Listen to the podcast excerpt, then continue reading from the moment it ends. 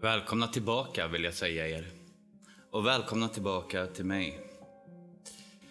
Det har varit en liten paus. Jag har väl, vad ska man säga, varit vilse i skogen. Och eh, de trollungar jag har har gått ifrån sex trollungar till numera sju. Så det har varit mycket. Men jag känner att jag kan ju inte lämna er helt ensamma här i mörkret. Nu när vinden blåser och regnet piskar mot rutan och hösten har kommit. Den där tiden då man behöver sina historier. Sina sagor och sägner, skrock och allt vad det är. Så jag välkomnar er in nu, i min stuga här ute i skogen. När det är dags att läsa en ny historia ifrån Mikaela Schmidt som heter Man behöver inte vara död. Uppläst av mig, Tommy Norin. Här, nu, när mörkret faller.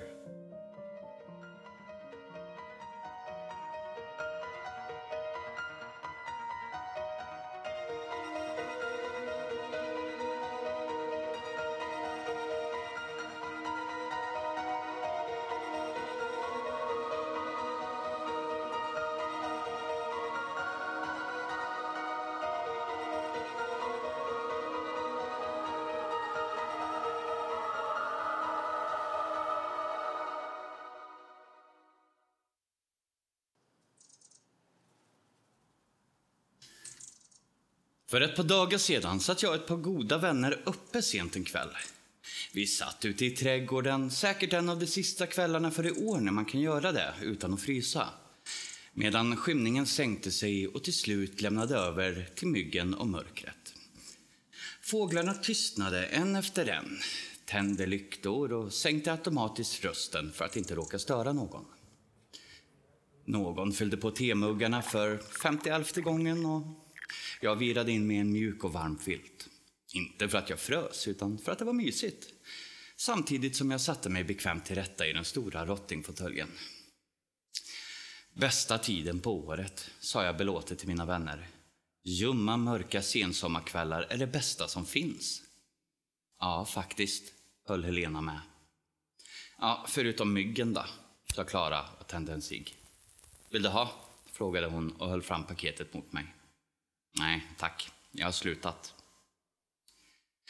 Vi blev sittande där, förmodligen längre än vad någon av oss tänkt. Men temuggar fylldes på, tömdes och ersattes med kaffe. Cigaretter tändes och fimpades tills paketet var tomt och ett nytt trollades fram ur handväskan. Samtalet böljade fram och tillbaka likt vågorna på ett ganska beskedligt hav och yrvakna fladdermöss flög ljudlöst av och an över våra huvuden likt svarta silhuetter.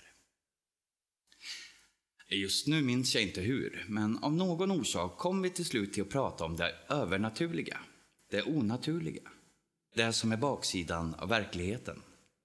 Sådant som oftast och kanske bäst avhandlas när mörkret faller. Alla har sin åsikt när det gäller sådana ting. En del tror, Andra tror inte alls. Ytterligare någon tror ibland och ibland inte. Och några vet inte vad de ska tro. Och slutligen, vissa som väljer att helt enkelt blunda. Oavsett vad så blundar de och blir nästan provocerade om någon råkar ta upp saken. Eh, så det är klart att det lätt blir diskussioner om ämnet kommer på tal.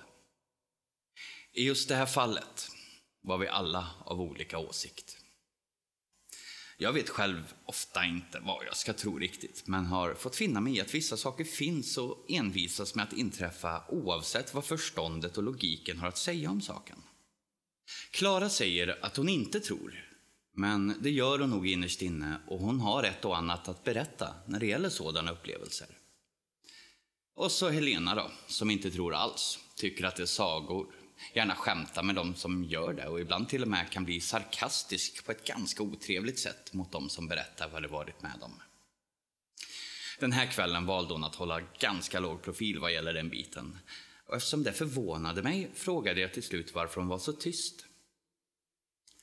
Helena såg noga på oss en i taget, lutade sig bakåt i fåtöljen och med blicken riktad upp mot den mörka stjärnklara himlen frågade hon. Tror ni att man kan ta kontakt med spöken?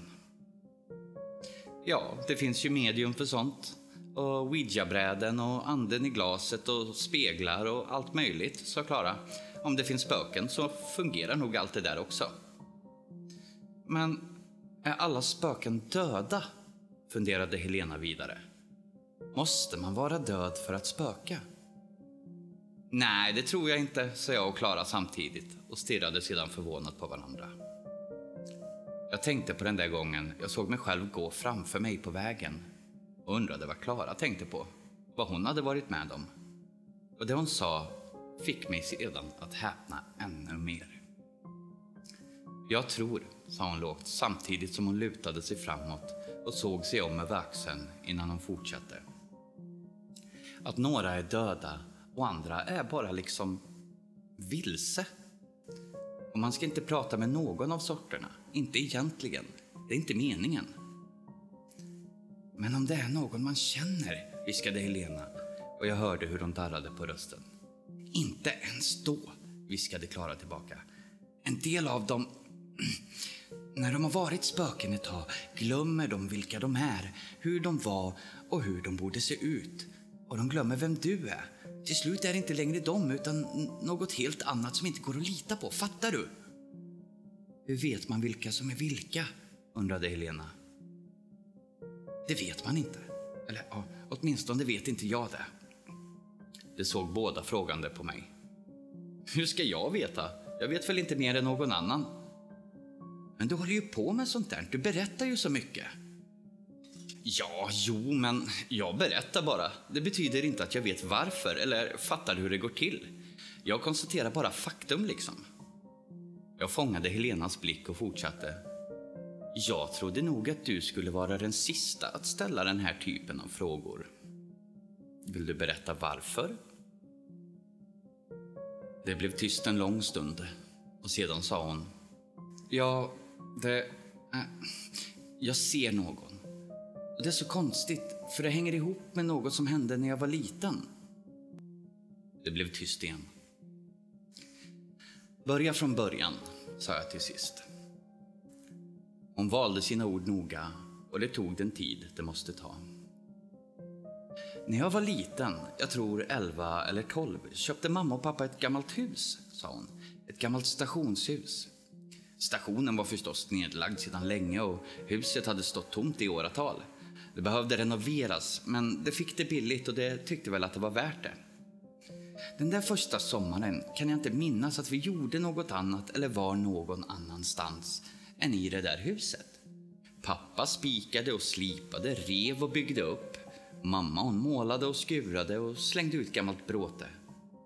Jag och min syster var upptagna med att springa framför fötterna på dem och ställa frågor som var omöjliga att svara på. Vi var nog mest i vägen gissar jag. Inte för att de någonsin lät oss veta det. Men ändå. Det lät alltid mycket. Det där huset minns jag.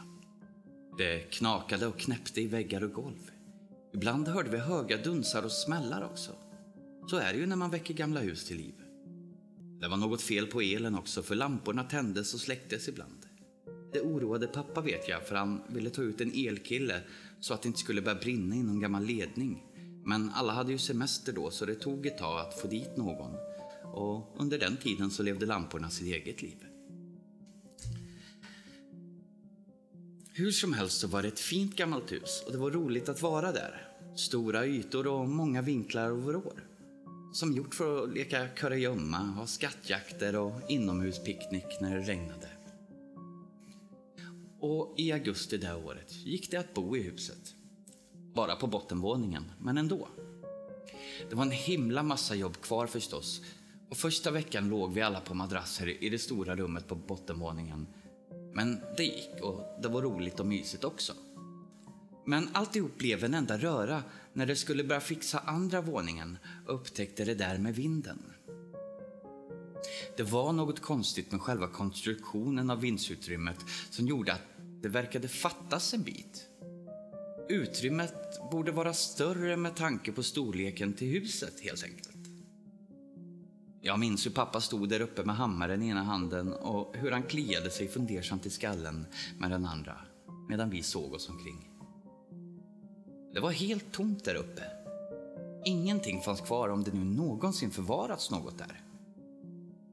Det var inte alls spännande, så jag och min syster började leka och lyssnade inte längre till mamma och pappas prat förrän pappa plötsligt bestämt och kort skickade ner oss därifrån. Han stod vid den bortre väggen och hade börjat bryta upp den.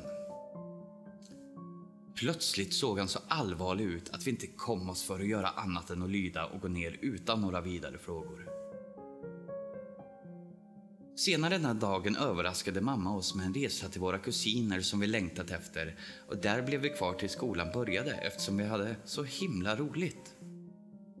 Ja, det var åtminstone vad vi trodde då och de vuxna lät oss tro det. Det var först flera år senare som vi fick reda på hur det verkligen låg till. När pappa rev den där väggen så upptäckte han något, ja, oväntat kan man väl säga minst sagt. För där bakom fanns ett långsmalt utrymme som lutade mot den bakre, riktiga väggen. Och där satt två skelett alldeles intill varandra. Pappa kunde inte tro att det var riktiga, men så fort fejkväggen var borta, så pass att han kunde gå nära, blev han osäker. Vi skickades iväg eftersom det var otäckt. Polis tillkallades som bedömde det som en gammal händelse. Det kom tekniker och en arkeolog. Den lokala tidningen fick nys om det och skrev en del om det. Man lyckades aldrig ta reda på vilka de där två människorna var. Varför, hur eller när de hamnat där instängda bakom en vägg. Den enda ledtråden var att det rörde sig om en man och en kvinna. Men som sagt, det här fick jag och syrran reda på först långt senare när huset sedan länge var färdigrenoverat och vi hade bott där under större delen av vår uppväxt. Här tystnade Helena och betraktade mig och Klara med bestämt rynkade ögonbryn och hakan en aning höjd, som om väntade sig att vi skulle protestera eller ställa jobbiga frågor. Ingen av oss gjorde det. Vi väntade bara på fortsättningen. Men den kom inte. Bor de där än, dina föräldrar? frågade Klara till slut. Mm, nickade Helena. Men pappa sitter i rullstol numera och mamma, ja, hon är den enda som förstår vad han säger eftersom han stroke. Så hon är ju där han är. Det håller sig hemma för det mesta. Det reser aldrig längre och ja, det blir ju för omständigt. De börjar ju bli rätt gamla också, men vadå? undrade jag och undrade vart hon egentligen ville komma med den här faktiskt ganska makalösa historien och hur den hängde ihop med det spökfenomen vi pratat om tidigare. Och ändå blev jag förvånad när hon fortsatte. Tänk att man fortfarande blir förvånad. Att man inte vänjer sig någon gång vid att allt är konstigt, bakvänt och ologiskt. Jag har sett honom, sa hon. Och innan någon av oss hann fråga vad eller vem hon menade fortsatte hon. Bara två gånger, men ändå. Första gången var när jag kom hem från jobbet en dag. Så fort jag kom in i hallen så såg jag att pappa satt i vardagsrummet. Jag blev förstås förvånad, inte visste jag att de skulle komma och jag kunde knappt komma ihåg när de senast kom på spontanbesök. Hej pappa, sa jag samtidigt som jag hängde upp jackan på sin plats. Den föll ner och jag plockade upp den och hängde tillbaks den på nytt. När det var gjort var pappa borta. Jag tittade in i vardagsrummet, men han var inte där. Jag antog att jag måste vara tröttare än vad jag trott och helt enkelt inbillat mig och lyckades till sist övertyga mig om att det var så. Men så hände det igen. Kom hem från jobbet och pappa satt i sin rullstol i vardagsrummet. Men den här gången såg jag honom lite längre. Jag hann hälsa på honom och eftersom jag fick en kort nick till svar så började jag fundera på var mamma kunde vara. För han kunde omöjligt ha tagit sig hit helt själv. Mamma! Hej mamma! ropade jag, men fick inget svar. Kanske var hon bara snabbt ute på ett ärende. Jag ringer hennes mobil tänkte jag och plockade upp telefonen. Hon svarade på första signalen. Samtalet blev ganska förvirrat, för enligt henne var både hon och pappa hemma och hon fattade inte alls vad jag pratade om.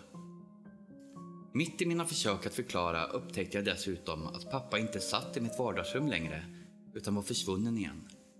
Och då blev jag tvungen att försöka bortförklara alltihop så inte mamma skulle tro att jag blivit galen. Men jag vet vad jag såg. Två gånger.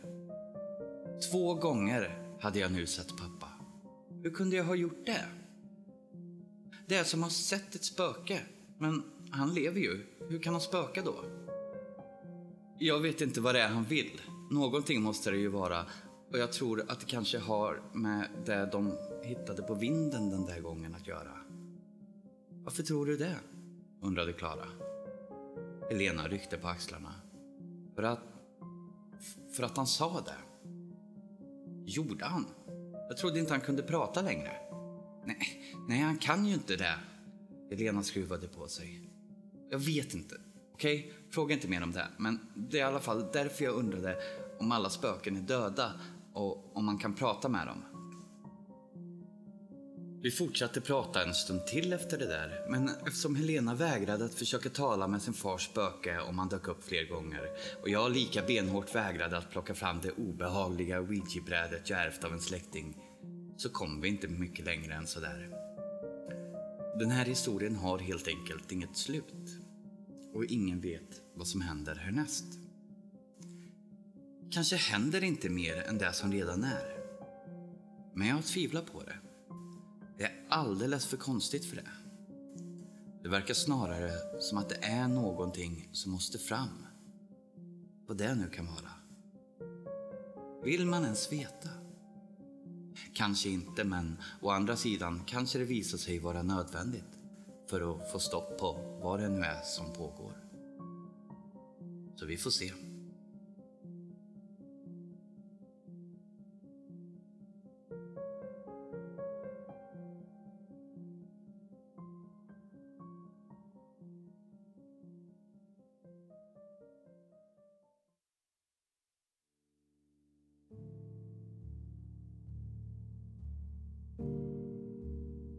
Uppdatering. Först av allt vill jag varna känsliga lyssnare, som det brukar heta. Speciellt ni som har hund av lite större sort. Följande uppdatering kan komma att påverka dig och din hund nattetid. Om du ändå tänker fortsätta lyssna, skyll dig själv och låt det i alla fall inte gå ut över din hund. Helena ringde mig mitt i natten och panikslagen viskade hon fram vad som har hänt. Hon har en hund. En stor vänlig vovve som är otroligt kontaktsökande. Bella. Kommer ofta fram och buffar kärvänligt på den som råkar stå närmast och vill bli klappad och kramad. Så har det varit sedan hon var valp och så är det fortfarande. Bella får inte vara i sängen, vilket har fått till följd att hon kommer och ställer sig vid sängkanten och buffar med sin kalla, blöta nos på Helena, som blivit så van vid det där att hon knappt vaknar. Hon sträcker bara automatiskt fram handen och klappar Bella på huvudet och så somnar båda om. Inget konstigt alls, bara vana och rutin. Så när Helena kände det välbekanta buffandet i mörkret öppnade hon inte ens ögonen utan strök bara med handen över Bellas mjuka panna. Och något kändes så pass fel att hon vaknade till lite och började treva med handen. Först reagerade hon bara på att pälsen kändes sträv istället för mjuk och len. Där hundens trattar till öron brukade finnas fortsatte det bara sträva. Där fick henne att treva omkring i mörkret för att förstå vad det var frågan om. Och plötsligt kände hon inte längre någon päls alls. Utan hud. Och en näsa. Och öron på var sida av huvudet. En kind. En haka. Först nu förstod hennes sömndruckna hjärna. Det här var inte Bella. Det här var en mänsklig figur som satt på golvet vid hennes säng. Satt på huk och buffade på henne med något kallt och vått tills hon vaknade. Och nog vaknade hon till då allt. Det skulle jag också gjort. Du med. Hur man reagerar i en sådan situation är nog olika från person till person. Men Helena drog bara täcket över huvudet och låtsades sova. Hon ville inte se. Inte veta. Länge, länge låg hon där och det var alldeles tyst. Så knäpptyst att det inte gick att avgöra om hon nu var ensam igen eller inte. Hon vågade inte titta efter. Inte göra minsta ljud ifrån sig som kunde avslöja att hon var vaken. Hon vågade inte ens stänga ögonen. Tiden sniglade och hon tyckte att det kändes som hon legat där i timmar. Då plötsligt, en hest, sträv röst väste fram. Gud rörde vid henne med sitt finger och hon föll i evig sömn. Sedan blev det åter tyst. Helena låg alldeles stilla under sitt täcke, stel av skräck och med vidöppna ögon. Väntande. Tyst. Väntande. Mer tystnad. Efter en lång stund gjorde hon det bara. Hon måste ju. Satte sig upp, sträckte sig efter mobilen och tryckte på senaste uppringda nummer utan att titta bredvid sängen eller på telefonen. Och eftersom det råkade vara mig hon pratat med sist blev det till mig hon ringde mitt i natten och viskade fram precis vad hon råkat ut för. Jag försökte lugna och trösta naturligtvis. Men det finns liksom varken tröst eller lugn tillräckligt för en sådan upplevelse. Och under samtalet tittade hon efter på golvet bredvid sängen och där var det tomt. Hon kallade till sig Bella och såg att hon var som hon skulle. Men det hjälpte inte särskilt mycket. Vi måste försöka hitta ett sätt att ta reda på vad tusan det är som pågår. Så här kan hon ju inte ha det. Det kan ingen människa. Och hon var fortfarande skärrad när vi avslutade samtalet. För som hon sa. Mikaela. Tänk om... Tänk om det var pappa